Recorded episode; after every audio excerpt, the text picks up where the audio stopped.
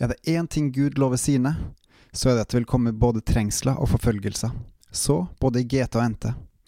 Verden er rett og slett Gud imot og hans gode vilje. Men Gud kan også straffe oss mennesker for urett. David, en mann etter Guds hjerte, var en som opplevde det siste her, og han fikk til og med velge mellom tre ulike konsekvenser ved en av gangene han synda mot Gud. Hans valg den gangen har lenge vært til stor inspirasjon for meg, for med det viste han dyp visdom og tillit til Han som har skapt alt og alle. Og nettopp det her er det jeg vil løfte fram i Gud i sentrum i dag, av meg, Håkon Winnem. Kong David levde rundt år 1000 før Kristus. Han var Israels andre konge, og er kanskje også den mest kjente av alle israelskongene. Han er spesielt kjent for sine feil, deriblant at han stjal kona til en av sine soldater og fikk han drept i en av sine kriger, og så er han også kjent for kampen mot kjempen Goliat, en filister som hånte Israels gud. Denne mannen, David, som nok ikke var så god på oppdragelse, eller som rett og slett hadde for mange sønner og døtre og kona til å følge skikkelig opp, han var samtidig en mann etter Guds hjerte. Allerede mens han var en gjeter som tenåring, sa Gud at han var en mann etter hans hjerte. Motsatsen, kong Saul, får den motsatte beskrivelsen etter at han har svikta Gud, for han får høre at for du har ikke holdt det Herren bød deg. En mann etter Guds hjerte er altså en som følger Gud av hele sitt hjerte, sin sjel og all makt. Ikke ufeilbarlig, langt ifra, men som jager etter mer og mer av Gud og hans vilje, og gjør det. I siste del av Davids styringsperiode gjorde David en stor feil. I første krønikebok 21 står det Men Satan sto opp mot Israel og egget David til å telle Israel. Da sa David til Joab og høvdingene i folket, Gå av sted og tell Israel fra Beersheba helt til Dan, og kom så til meg med melding, så jeg kan få vite hvor mange de er. Da sa Joab, måtte Herren legge hundre ganger så mange til sitt folk som de er nå.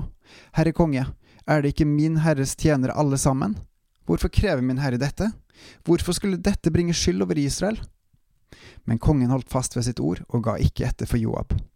Så tok da Joab ut og dro omkring i hele Israel og kom så tilbake til Jerusalem. Joab oppga for David det tallet som folketellingen hadde gitt. I hele Israel var det 1100 000 mann som kunne dra sverd, og i Juda 470 000. Men Levi og Benjamin hadde han ikke mønstret sammen med de andre, for kongens ord var en styggedom for Joab. Det som var skjedd, var ondt i Guds egne, og han slo Israel. Da sa David til Gud, Jeg har syndet grovt da jeg gjorde dette, men tilgi nå din tjeners misgjerning, for jeg har gjort en så stor dårskap. Men Herren talte til Gad, Davids seer, og sa, Gå og tal til David og si, Så sier Herren, tre ting forelegger jeg deg, velg en av dem, så vil jeg gjøre det du vil. Det er mange tema her som kunne vært interessant å benevne, men først av alt tror jeg at det er viktig å legge merke til at Gud stiller oss til ansvar for våre handlinger. Vi har valget, og vi må le med konsekvensene. Tenk bare hva Jesus sier i Matteus 25. Ganske så kraftige saker.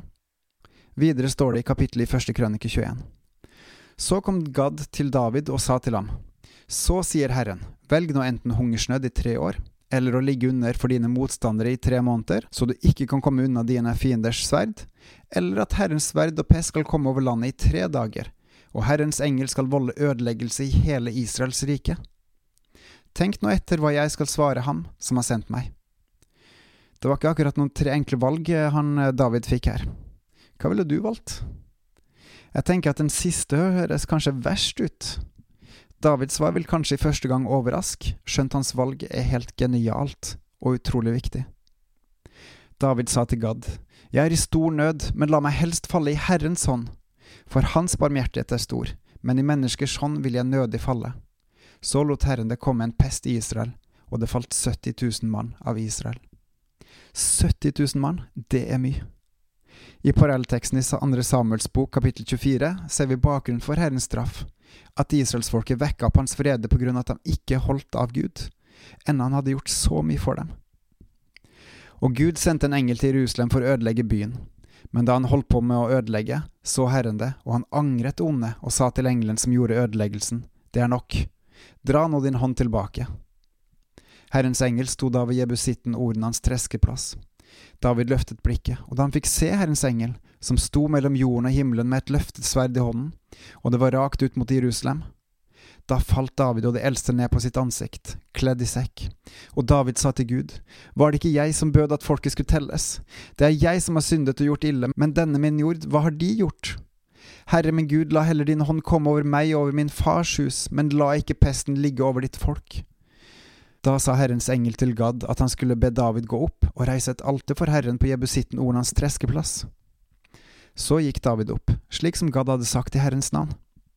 Da når Ornan vendte seg om, fikk han se engelen, og hans fire sønner som var med ham, gjemte seg. Ornan holdt nettopp med å treske hvete. Da David kom til Ornan, så Ornan ut og fikk se David. Så gikk han ut av treskeplassen og kastet seg ned for David med ansiktet mot jorden. Og David sa til Ornan, La meg få det stedet hvor du har treskeplassen din, så jeg kan bygge et alter for Herren der. La meg få det for full pris, slik at pesten kan bli tatt bort fra folket. Da sa ordene til David, Bare ta det, min herre kongen må gjøre det som han finner for godt.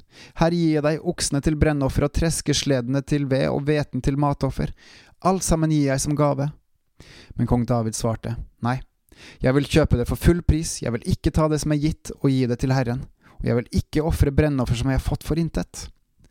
Så ga David til ordene 600 sekel gull etter vekt for stedet, og David bygde et alter for Herren der og ofret brennoffer og fredsoffer.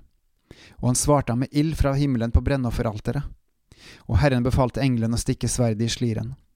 Da Herren så at David hadde bønnhørt ham på jebusitten Ornans treskeplass, så ofret han der. David valgte altså straffen, som var i Guds hender, for da visste han at han var i trygge hender.